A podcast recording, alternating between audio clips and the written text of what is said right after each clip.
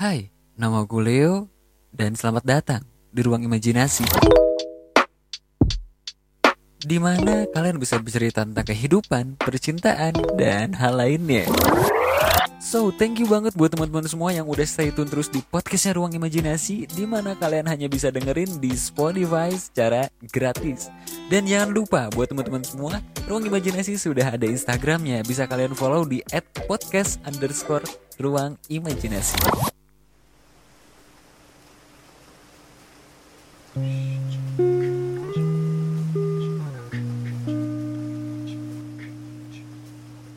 Halo, selamat malam semuanya. Apa kabar? Mudah-mudahan kalian selalu diberi kesehatan ya, karena akhir tahun ini udah mulai banyak banget wabah-wabah virus flu terutama ya. Apalagi cuacanya dingin banget. Kalau misalkan kalian ada di dataran tinggi, mungkin kayak di Bandung atau mungkin di daerah puncak, itu waduh cuacanya cukup-cukup menggelitik.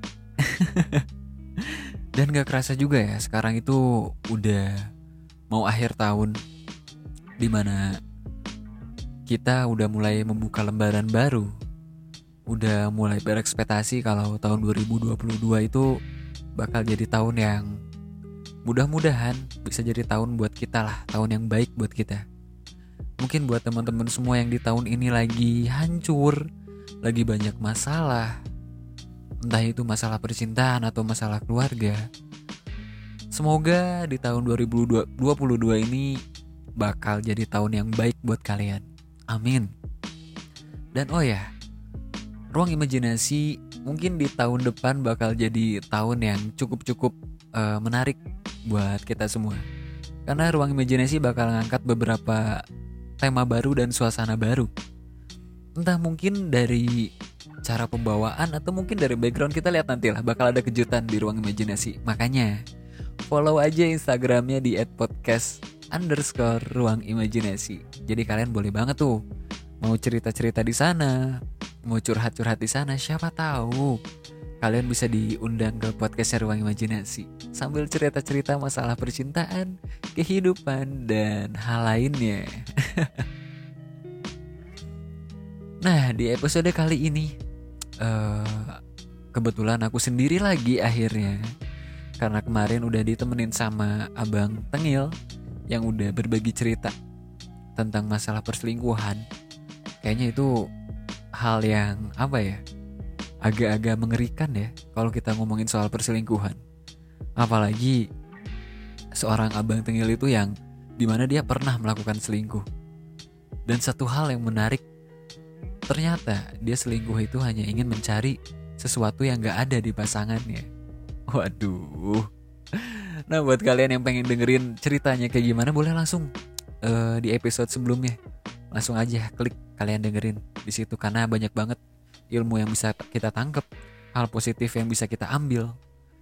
Apalagi buat teman-teman semua yang lagi punya pasangan yang agak-agak overthinking mungkin ya sekarang. Hati-hati.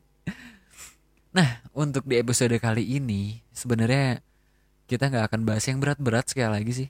Kita bakal ngobrol-ngobrol santai aja. Apalagi tentang masalah percintaan dalam dunia maya.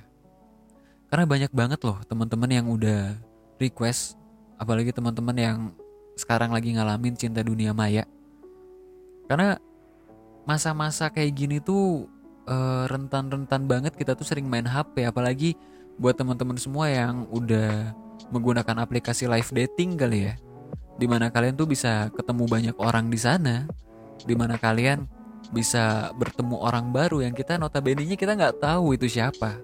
Fisiknya kayak gimana sikap atau latar belakangnya seperti apa nah kita akan bahas seputar itu karena ada satu cerita yang cukup cukup lucu banget sih. Yang cukup cukup yang bisa kita ambil kesimpulannya. Jadi pada waktu beberapa hari lalu kebetulan aku lagi kumpul sama teman-teman dan akhirnya uh, ada satu cerita yang cukup menarik sih di mana dia mengenal seorang wanita di dunia maya di aplikasi live dating. Dan dia selalu berekspektasi kalau si wanita ini adalah wanita yang telah lama dia cari. Wanita yang akhirnya uh, dia cari-cari nggak ketemu-ketemu dan akhirnya ada di dia semua. Sampai sewaktu-waktu dia dikagetkan dengan uh, salah satu mungkin dibilang salah satu apa ya salah satu kejadian ya di mana dia akhirnya memberanikan diri untuk video call untuk yang pertama kalinya dan akhirnya tidak sesuai dengan ekspektasi. ya kita nggak bahas sampai mendalam ya sesuai itu ya masalah cerita itu ya. Intinya uh, yang aku pengen bilang tuh ekspektasi berlebihan itu nggak boleh. Sebenarnya sebenarnya aku nggak nggak bisa ngelarang kalian ya untuk berekspektasi lebih kepada uh, pasangan kalian atau mungkin orang-orang yang kalian sayang. Cuman Aku sering bilang di episode sebelumnya kalau kita berekspektasi lebih, jatuhnya pun juga akan sakit. Apalagi kita belum bertemu dengan orang itu. Mungkin kalau teman SMA di dunia realita itu it's okay karena kita pernah bertemu dan kita tahu sikap dia dan latar belakang dia seperti apa. Karena yang kita takutin kan uh, di saat kita nyaman dalam dunia maya, kita dimanfaatkan oleh orang itu. Amit-amitnya ya, kita nggak tahu dia seperti apa dan dia bakal ngelakuin apa. Syukur-syukur mungkin kalian bisa langgeng dalam percintaan dunia maya dan akhirnya bisa sampai ke jenjang pernikahan. Kita nggak ada yang tahu. Mungkin jodoh kalian bertemu di dalam dunia maya atau mungkin dalam realita. Kita nggak ada yang tahu masalah itu. Tapi yang perlu ditekankan, hati-hati dalam percintaan dunia maya. Karena Aku pernah dengar ada teman yang cerita kalau dia bukan cinta pada pandangan pertama, tapi cinta pada pendengaran pertama. Dari telinga turun ke hati, dan akhirnya dipatahi oleh yang namanya cinta yang tidak sesuai dengan ekspektasi. Aduh, cukup-cukup unik ya. Apalagi kan yang tadi udah dibilang masa-masa kayak gini tuh di mana para milenial mungkin dia bisa disebutnya sering menggunakan gadgetnya di mana dia masuk aplikasi live dating yang notabene kita nggak tahu.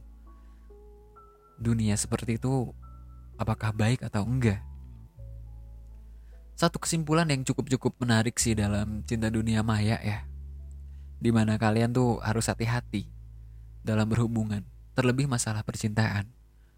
Sekali lagi aku pernah bilang kalau misalkan jatuh cinta adalah kepada siapa kita patah hati. Di mana kita siap jatuh cinta, di mana pun itu harus siap yang namanya patah hati. Karena nyaman gak selalu nyaman. Nyaman itu bisa jadi jebakan kepada kita. Tinggal tergantung kita menyikapi masalah itu apakah bisa dilewati atau enggak. Jadi buat teman-teman semua yang lagi ngalamin di fase atau mungkin yang punya pasangan dalam dunia maya yang mungkin belum pernah bertemu ya hanya via telepon, mungkin hanya via video call. Harus agak berhati-hati, cari latar belakang pasanganmu itu. Karena kita nggak tahu dia itu seperti apa. Kita hanya tahu dari sifatnya dia. Mungkin kalau kalian ada hubungan yang ke jenjang lebih serius, coba temui orang itu sebagai tanda bahwa itu keseriusan kalian. Karena nggak semua ya dalam dalam dunia maya itu orang yang dianggap serius itu orang yang bisa bertemu langsung. Bukan hanya omongan belaka. Karena kalau cuma omongan belaka kita nggak tahu. Kita masih tanda tanya. Apakah dia bisa berjanji atau berkomitmen kalau kalian ingin tahu masalah janji dan komitmen bisa langsung aja dicari di podcastnya di episode berapa ya lupa itu membahas masalah janji dan komitmen antara perbedaan dua itu. Aduh, cukup unik ya yang namanya cinta dunia maya. Di mana kita harus overthinking setiap hari. Kita harus berpikir kalau dia lagi apa, dia lagi ngapain. Kita nggak tahu. Dia itu apakah lagi tidur atau lagi jalan sama orang lain. Aduh, kayaknya sakit banget kalau kayak gitu. Karena ada loh waktu di beberapa episode sebelumnya di mana dia bertemu dalam dunia maya dan akhirnya dia bertemu langsung gitu ya, memberanikan diri untuk bertemu langsung tapi akhirnya setelah ditemui orang itu ternyata orang itu udah punya anak dan udah punya istri wow itu satu kejadian yang cukup-cukup kaget sih. Makanya satu kali lagi ya aku bilang kalau misalkan cinta dunia maya itu kalian harus hati-hati. Hati-hati dalam memilih pasangan. Kalau misalnya kalian punya pasangan atau punya teman di dunia realita alangkah lebih baiknya jalan di dunia realita aja. Jangan jalan jangan jalan di dunia maya. Karena percaya nggak percaya nyaman di dunia maya itu beda sama nyamannya di dunia kalian tahu sendiri. ya itu adalah satu hal yang cukup-cukup unik sih. Karena udah banyak banget sekarang yang udah ngalamin dalam cinta dunia maya. Atau kalian sekarang lagi ada di fase kayak gitu. Semangat ya. Yang namanya jodoh, yang namanya pernikahan, itu bisa datang di mana aja. Entah mungkin jodoh kalian dalam dunia maya, atau jodoh kalian dalam dunia realita, kita siapa yang tahu.